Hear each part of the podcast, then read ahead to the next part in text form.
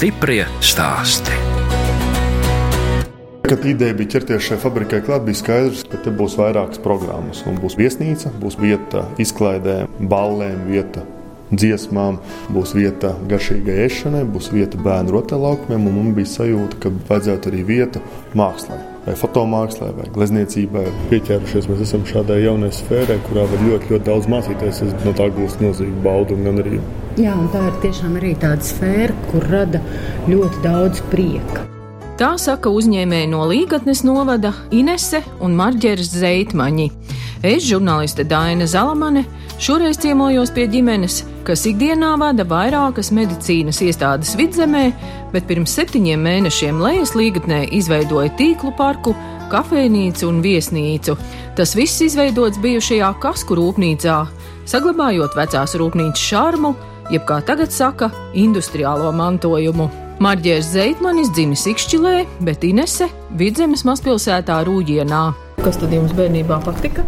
Tāpat kā visiem bērniem, daudzīties pagāmā, spēlēt ķerenes, tautas bumbu. Ļoti nepatika dārza darbi un eh, ļoti patika pa jaunbūvēm.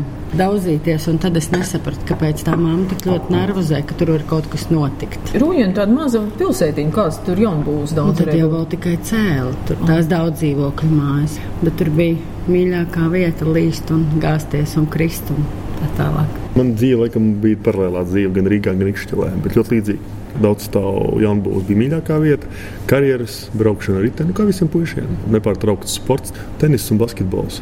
Jaunībā bija tādas divas aizraušanās. Sports, kā mēs bieži sakām, tas arī rada to kaut kādu azartu un neatlaidību. Paldies vecākiem, var pateikt, ka sportā ievirzīja nevis ļāva tikai pa pagalām daudzīties. Rīgšķilē vecāki dabūja dzīvokli padomu laikā, bet jau bija izvēlējušies, kad es mācīšos Rīgā. Tā kā es 12 gadus dzīvoju vilcienā. Var daudz ko izrunāt, anekdotas izstāstīt, iemācīties perfekti zoli spēlēt, un mājas darbus izpildīt 40 minūtēs precīzi. Visu var izdarīt. Izgulēties pirms vai pēc balītes vilciens ir lielisks pārvietošanās veids. Kāpēc tāda izvēle juristi? Laikam filmu iespējā. Visas tās spēles, kas notiek tiesu zālē un viss ir apkārt, tas šķiet pietiekami azartiski un interesanti. Jūs par juristu arī pastrādājāt? Ļoti maz. Un jūs, Inese, esat mācījusies uzņēmējdarbības Uzņēmējdarbība un ekonomika turībā un pēc tam Latvijas universitātē. Tie bija tādi juku laiki un ļoti daudz stājās ekonomistos. Skolas laikā nebija tāda priekšmeta, kas man laikam ļoti nepadevās. Līdz ar to tā izvēle bija ļoti grūta. Bet man liekas, tā izvēle arī ļoti pareiza. To, ko es izdarīju, nevienu mirkli- sapratāt, ka jūs gribat būt uzņēmēji? Nē, vienkārši tā bija tāda sakritība. Inese un Marģers stāsta, ka dienesta romāns abiem izveidojies Rīgā, strādājot augstskolā turība. Tagad abi piecas dienas nedēļā darbojas medicīnas jomā, bet no piekdienas līdz svētdienas vakaram kafejnīcā Zeit lejas līgatnē. Manuprāt, par uzņēmēju nemaz tik viegli nav kļūt. Ir kaut kādas likumsakarības, kas uz to pamudina, bet eh, tas nav, man liekas, tik vienkārši. ja. Cik ir iekšā cilvēkos tas uzņēmēja gēns, kas ir gatavs iet un iet un darīt, un darīt vienalga, sanāk, nesanāk, bet viņš dara, viņš desmit reizes bankrotē, bet viņš tāpat tās dara, jo viņam miera nav. Pētījumi liecina, ka nu, tādi cilvēki ir kaut kādi 5%. Nu, jūsos ir tas uzņēmēji Nu, droši vien ir jā, jo miera nav. Gribās darīt un gribās veidot, bet tur atkal katram uzņēmējam vēl ir savs gēns. Vēl tālāk ir cilvēki, kas strādā labprāt tikai tirzniecību, ir pakalpojumu. Mums ļoti, ļoti patīk servises pakalpojums, kas ir gan medicīna, gan īstenībā arī viesmīlība. Un kāds tad bija tas pirmais bizness? Kā daudziem bija droši vien ar to klasisko nekustamo īpašumu. Nelielu pamestu māju, pilnīgi netipiskā vietā, netipiskā izskatā, pierīgā. Mēģinājām vēl pirms treknējiem gadiem pārvērst par fifīgu 13 dzīvokļu namu. Un izdevās? Jā, bet tad pienāca krīze ar visu no tā izrietošo. Tā tās bija liels skarabas mācības. Bet paspējāt iztirgot tos Šo to jā, šo to nē. Palikāt jā. mīnusos. Nu, Es domāju, ka lielos, bet tā bija ļoti laba skola. Skola maksā naudu. Pirmais bija nekustamais īpašums, tālāk. Paralēli jau veidojās arī pirmie aizmeķi, lai medicīnā kaut ko darītu. Tas nekustamais īpašums ir vairāk saprotams. Nu, ir veca māja, jūs Jā. viņu remontējat un mēģināt iztirgot īpašumus, bet medicīnā. 90. gadu beigas, 2000. gadu sākums ļoti daudz, kas medicīnā pēc īpašuma tiesību formas mainījās. Bija valsts poliklīnikas vai pašvaldību poliklīnikas, kas vienkārši gāja uz bankrota pusi. Kaut kas vai nonāca otrupē, pašvaldības teica, ka kratu, es kratos no tā vaļā un lūdzu to savāciet kāds. Ja? Un tas piemērs, piemēram, bija Cēsīs, Cēsu rajona zobārstniecības poliklīnika. Pārdeva izsolē. Arī medicīna ir biznesa. Ja, ja tu nestrādāsi pēc biznesa likumiem un nestrādāsi rentabli, tad tas izskatīsies pēc politikas. Nu, bez cēlās zobārstniecības, kur tad vēl jūs esat darbojušies? Valmīras veselības centrs, Gulbens Pauls slimnīca apvienība. Sākums vienmēr bijis grūts, bet gadu laikā ir izveidojusies perfekta komanda, kuriem tu vari uzticēties, kas uz vietas atrisina tādus ikdienas jautājumus. Un pateicoties tam, ka ir datori, e-pasti, ļoti daudz var izdarīt attālināti. Kāds jums tagad ir tas status? Mēs esam līdziepašnieki un vienlaicīgi arī vadītāji. No malas liekas, nu, tā medicīnā ir tik daudz problēmu. Jūs to ikdienā arī paši jūtat? Protams. Jā. Bet es negribētu teikt, ka medicīnā viss ir ļoti slikti. Ir arī ļoti daudz labas lietas. Bet, manuprāt, tā joma pati ir pat tāda mazliet bēdīga. Tur ir maz prieka, varbūt bērnu piedzimšana, vēl kaut kādi daži tādi priecīgi notikumi. Bet cilvēks ir atvesaļošanās, piemēram. Jā, bet vai cilvēks to novērtē? Man šķiet, ka īsti tā kā nē. Kad tu strādā pozīcijā vadītājs, administrators vai īpašnieks, ārsts dzird paldies, bet līdz administrācijai jau atnāk parasti problēmas. Tīri emocionāli mēs jau paši arī, ja mums sāp zobs, mēs esam nikni uz visu pasauli un mums liekas, ka ko viņi tur čamājās. Jūs jau teicāt, ka ar līgatu pašiem jums nekādu saišu nav, te neviena radinieka nekad nav bijis. Kā tad jūs to lauku īpašumu šeit nopirkāt? Vēl pirms treknējiem gadiem, kad mēs sākām pirmos soļus pēc uzņēmē darbībā, pilnīgi nejaušot par ļoti, ļoti mazu naudu, bija iespēja nopirkt māju, kur bija tāda ļoti, ļoti nolaista. Tieši līgatnē vai kaut kur baznīcas? Tā doma bija tāda, ka vasarā Ikšķelē sākām dzīvot, tad mēs bijām tādā neapbūvētā pļavā ar tāliem kaimiņiem. Tad sākās šis te apbūves bums un gribējās tā kā viensētas sajūta, bet mums bija doma, ka tikai pavasarā, bez dobēm, tikai tāda mājiņa, kur mēs varētu atbraukt un mierīgi atpūsties pa brīvdienām beidzās ar to, ka tas tika kapitāli renovēts. No vienas dobas pārvērtās jau par 25 dobām. jā, jā, nevajag pāris pieejas. nu, labi, nu tā ir. Aizvien mazāk gribās svētdienas vakaros atgriezties Ikšķirē. Kā mēs nonācām līdz šai vietai? Gan drīz desmit gadu atpakaļ Līgas novads pietiekami arī oriģināli un savādāk domājošo pilsētas vadītāju Aināru Stēnu. Viņi izdomāja, ka varētu likt uzsvaru Līgas papīra fabrikas ciemats uz turismu Mēs sajūtām, ka ir iespēja varbūt, izveidot līgatnē kādās no koku mājām pirmos apartamentus. Bookingā. Un tas bija mūsu pirmais eksperiments pirms četriem gadiem turismā. Un mēs sākām meklēt vietu, kas varētu būt kaut kāds neliels pamests īpašums, kurā uztaisīt mazu, mazu hotelīti. Kā man daži teica, pirms gadiem, varbūt desmit, kādam prasa vietējiem, kur tu dzīvo. Es dzīvoju Ligatnē, ah, tur, kur tā papīra fabrika. Nu, jā, jā, jā, tur tagad mēs esam dzirdējuši stāstu, kur tu dzīvo Ligatnē. Ah, tur, kur tie tīkla parki. Stiprie stāsti.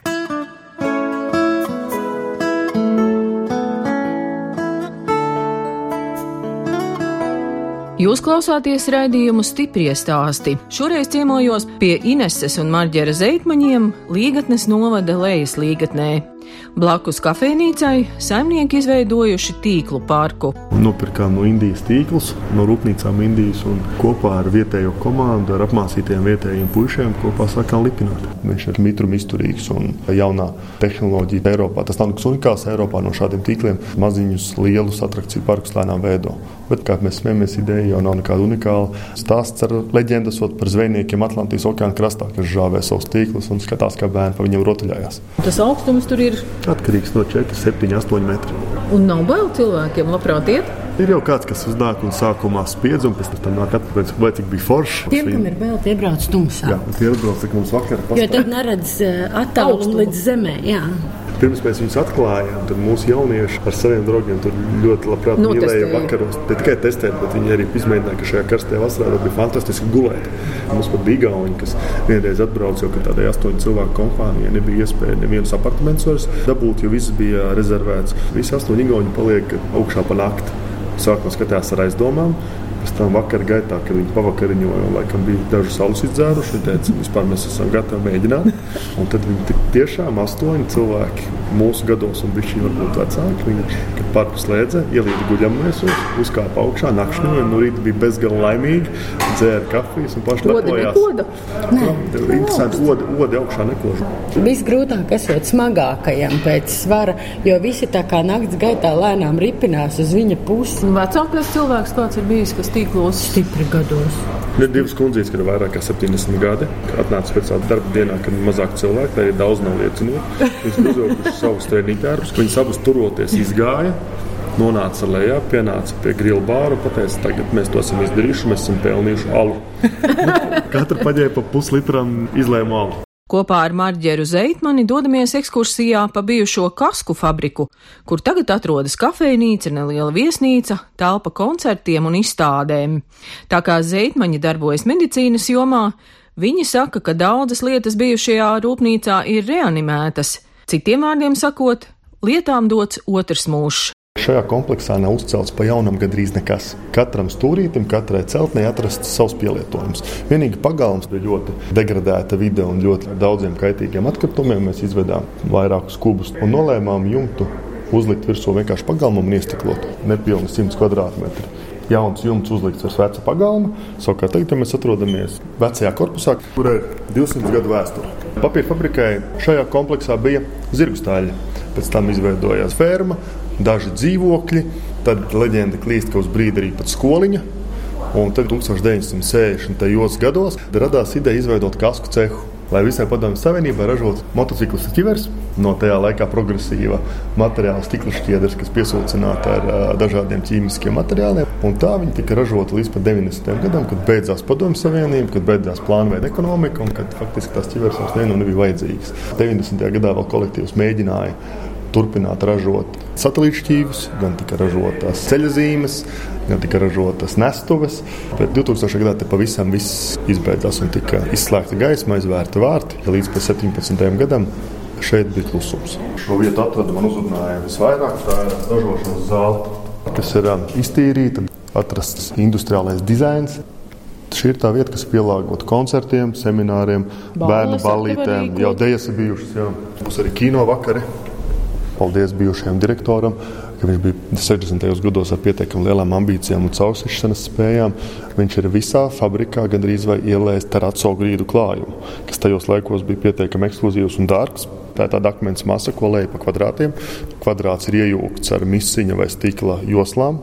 Tā ir no Itālijas sena tehnoloģija, kur šobrīd būtu ļoti dārga, Tajos laikos jā, viņas klāja tādos strateģiskos objektos, kā kultūras namos, universāla veikalos, skolu pirmajos stāvos un arī šahtas, kurās bija paslēptas komunikācijas. Mēs neslēpsim, bet atstāsim to sajūtu autentisku. Sajūtu, ka te ir bijis nevis vienkārši deju placis, bet te bijusi fabrika. Tās durvis, tās spīdīgās. Tās, ir alumīnija durvis, kuras brīnumainā kārtā nebija aizvestas un nozagtas. Tāpēc, ka, protams, 90. gados visu krāsāja no metāla veda projām un viņš kaut kur pazuda. Bet pateicoties tam, ka šis alumīnijs bija nokrāsots vairākas reizes un promvedēji, acīm redzot, domāja, ka tas ir skārts, ka nebija nozagts.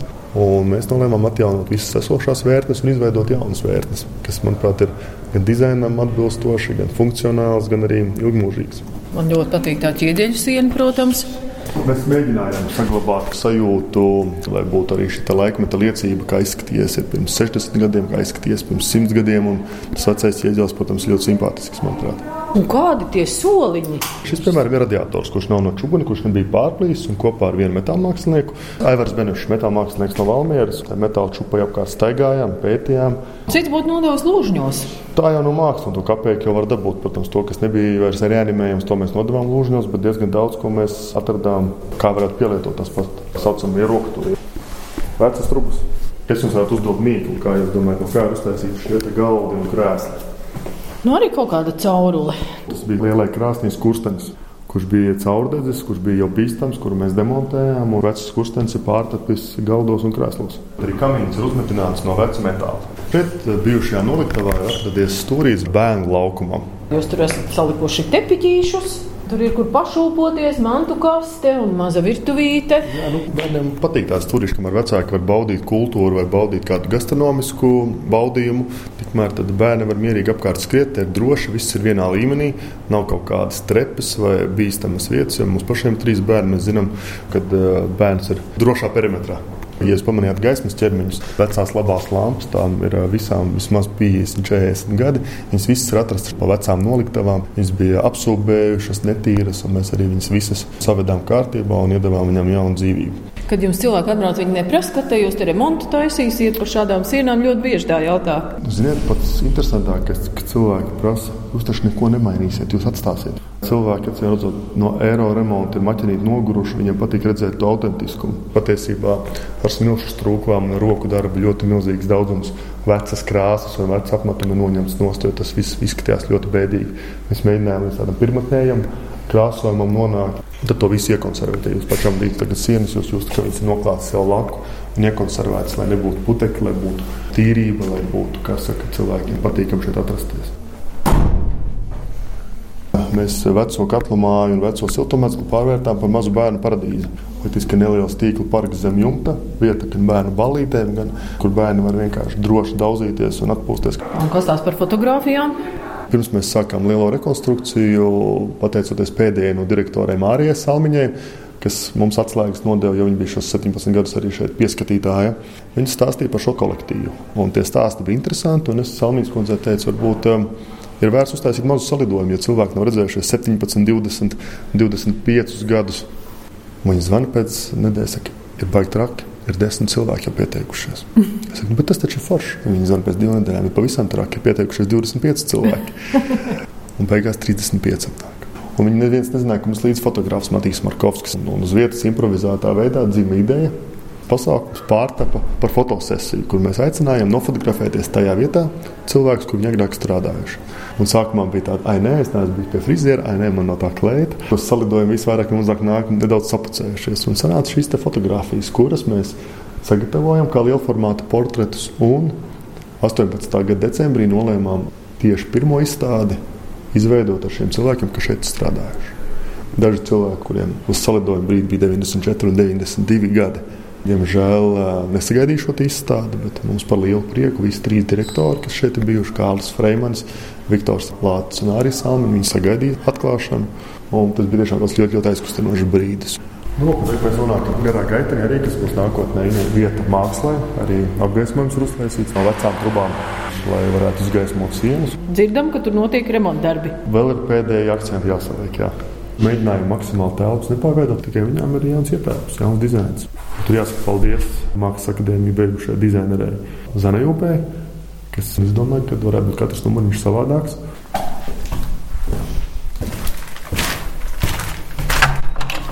Tātad Dārznieks, nu, te, protams, ir istabas augi, bet arī tā siena pie gultas. Zāle uzaugusi uz sienas, kur ir pazīmes no dārza, kur ir kāds gliemezis redzams mākslīgs un smūgs. Arī redzams, kāds koks, redzams, smuki.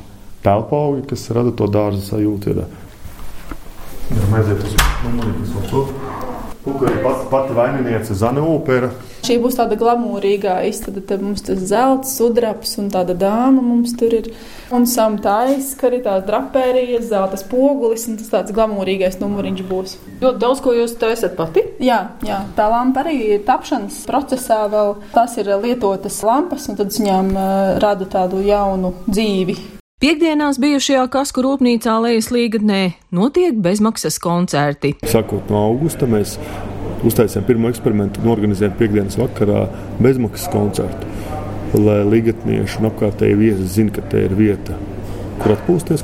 Uzstājās ļoti dažādi. Mēs sākumā ņēmām un aicinājām gan zināmākus māksliniekus. Uz pirmo koncertu bija piemēram Kārlis Kazāks ar Undīnu Balotu, bija Mikls Frišfelds ar bāzi. Bija kas mums patīk un kas šķiet šai vietai piestāvēt. Mēs esam lepni, ka mums izdevās Haraldu Sīmanu pierunāt uz koncertu. Tā dziesminieki. Viņi jutās šeit labi, viņi pavada šeit 3-4 stundas, pēd un padzer kādu halu un bērnu nopērk kādu saldumu, aiziet tīklos. Un, un tad mēs arī dodam jauniem māksliniekiem no muzikas skolām, tepat tās no cēlas muzikas skolas iespēju uzspēlēt vai parādīt savu mazo grupiņu vai parādīt savu solo programmu. Man ļoti patika arī viesu atsauksmes, kad ļoti daudz pēc šādiem iesācējiem nāca klāt un teica, super, jūs dodat iespēju jaunajiem. Nu, kur tad vēl viņš var krāt to skatuves pieredzi? Tas kā vienmēr stāsta leģendārs stāsts, ka uz pirmiem trīs koncertiem nāca divas dāmas ar maziem klēpsunīšiem.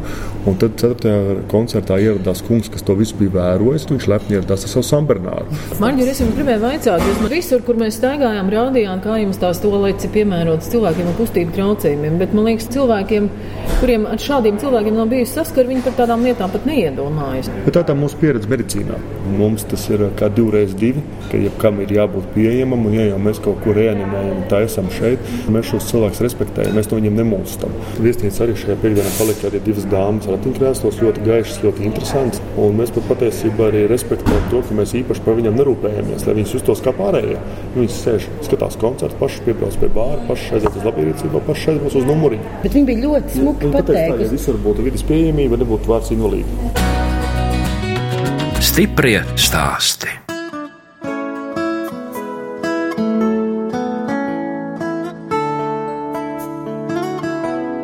Skan redzējums stiprie stāsti. Turpinu ciemoties Līgatnes novada lejas līgatnē pie uzņēmējiem Ineses un Marģera Zeitmaņiem. Viņiem ir trīs bērni - dēli Rudolfs un Arnolds un meita Marija, kas palīdz arī kafejnīcā. No pirmās dienas ir palīdzējuši gan kā viesmīļi, gan kā bārmeņi, gan kā uzkopēji, gan kā instruktori. Un šāds ģimenes biznesa vai ģimenes maziņš uzņēmums, kur visi var darīt visu, mums kā vecākiem.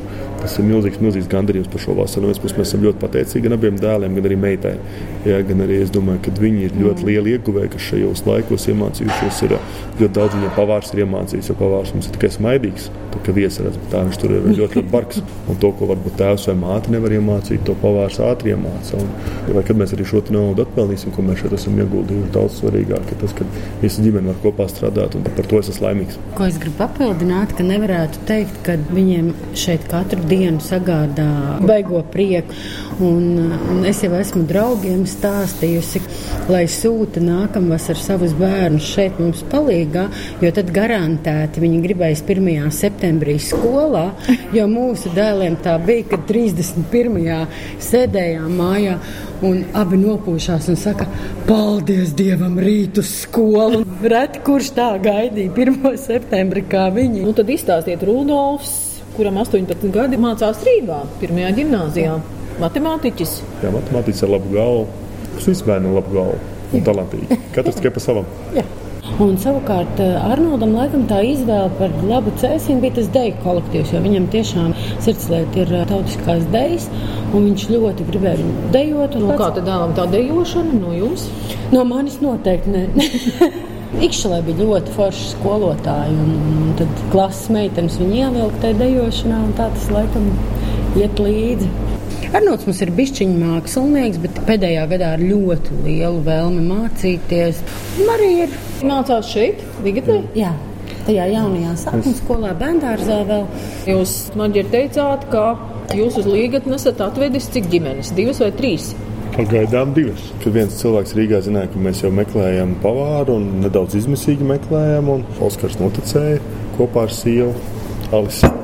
Oskars ir šefpavārs. Jā, viņš arī pats teica, ka viņš negrib ne Francijā, ne Rīgā strādāt.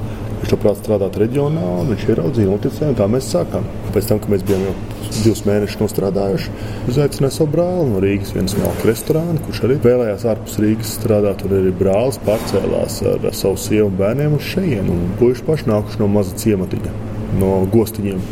Pie pļaviņām. Jā, un tad, redzot, līdzīgi kā mēs arī esam mazpilsētā uzauguši vai mazos ciemos uzauguši, tad arī mums pašiem tā kaut kādā zināmā vecumā, zinām, vecumā. Zi, zināmā vecumā vairs tā Rīga tik daudz neinteresē. Viņi var atļauties strādāt ārpus es Rīgas. Tagad tā. satieku laukos diezgan daudz cilvēku, kuriem rodas ģimenes, kuri bērnus grib audzināt mazpilsētā, nevis Rīgā. Jā, nu, tas ir Jā, un šeit ir ļoti daudz plusi.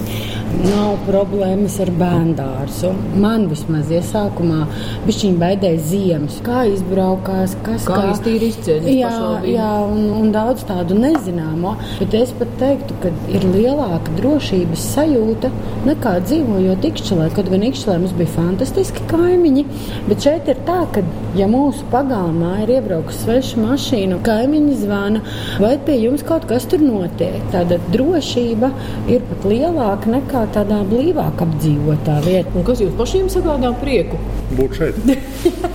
jā, jā, tiešām tā arī ir. Man vēl patīk papļaut zāli, kaut ko parušināties. Un, detektīvs un paskatīties. Jā, detektīvs seriāls paskatīties. Formas uzturēšana uzspēlē tenisu un skvošu. Vai nu Rīgā, vai nu tā mums ciesīs ļoti labs tenis klubs. Ļoti saprātīgs gan izmaksās, gan ļoti foršs cilvēks, gan ļoti foršs līmenis. Viss tepat blakus ir cēsis ar 20 minūšu braucienā no šejienes. Nu, patiesībā arī Rīga jau nav tālu. Protams. Sevišķi gados jauniem, kad liekas, nu, lauki nekas nenotiek. Un, Tad mēs arī esam runājuši, ka dzīvojot laukos, mēs vairāk esam bijuši uz kaut kādiem kultūras pasākumiem. Jo vidzemes koncerta zāle ir nezinu, 15 minūšu braucienā, tāpat ir Sigulda. Rīga arī nav tā. Un, un... Jāatzīst, ka mēs pēdējo septiņu mēnešu laikā uz kultūras pasākumiem neesam bijuši. Kultūra brauc pie mums. Jā, koncerta brauc, un es domāju, laiku būs arī kāds teātris, laiku būs arī nekomerciālais kino mums. Tā kā es domāju, ka mums tā fantastiskā iespēja patreiz izveidot to kultūru šeit. Radījums sauc stiprie stāsti.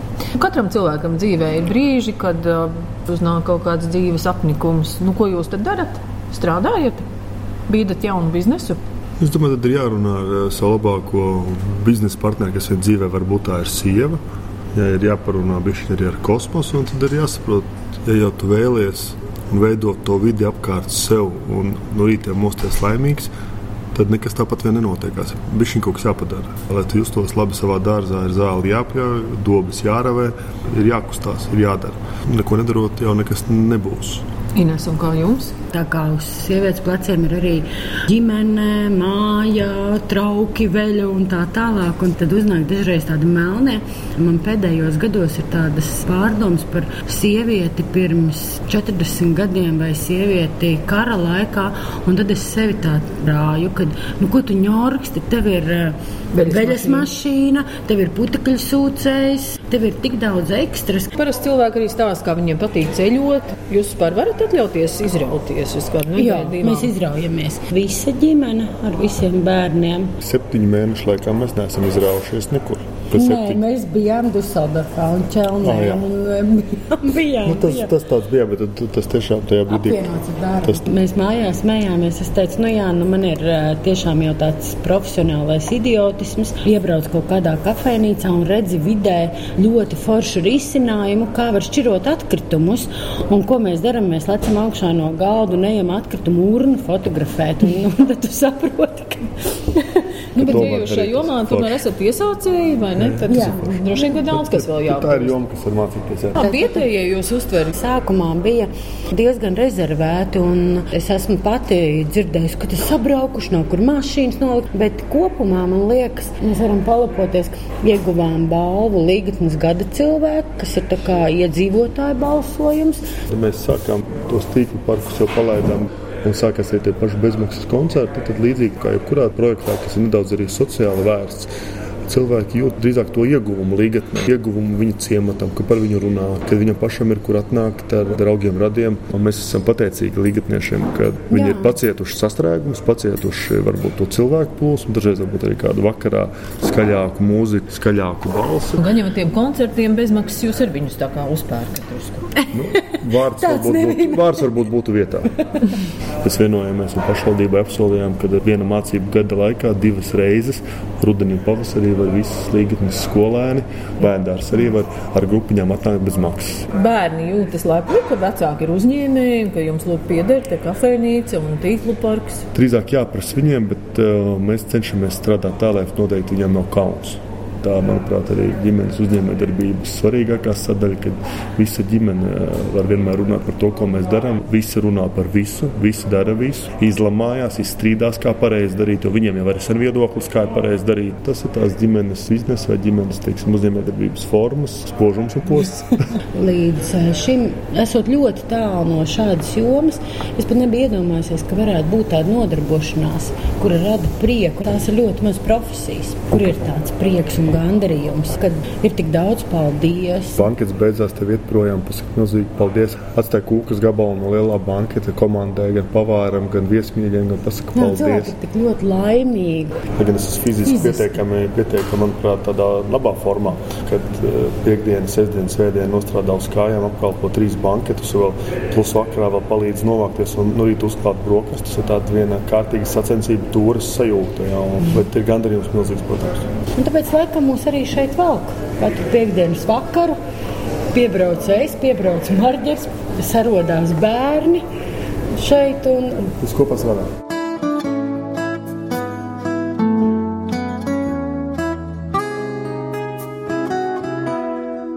Radījums stipri stāst izskan, un mēs atvadāmies no uzņēmējiem Ineses un Marģera Zeitmaņiem, kas darbojas medicīnas jomā un pirms septiņiem mēnešiem Lejas līgatnē atvēra tīklu parku, bet bijušajā kasku rūpnīcā izveidoja kafejnīcu un nelielu viesnīcu, un piekdienās te rīko bezmaksas koncertus. No jums atvedās žurnāliste Dāna Zalamana un operātore Inga Bēdele, lai tiktos atkal tieši pēc nedēļas. Stiprie stāsti.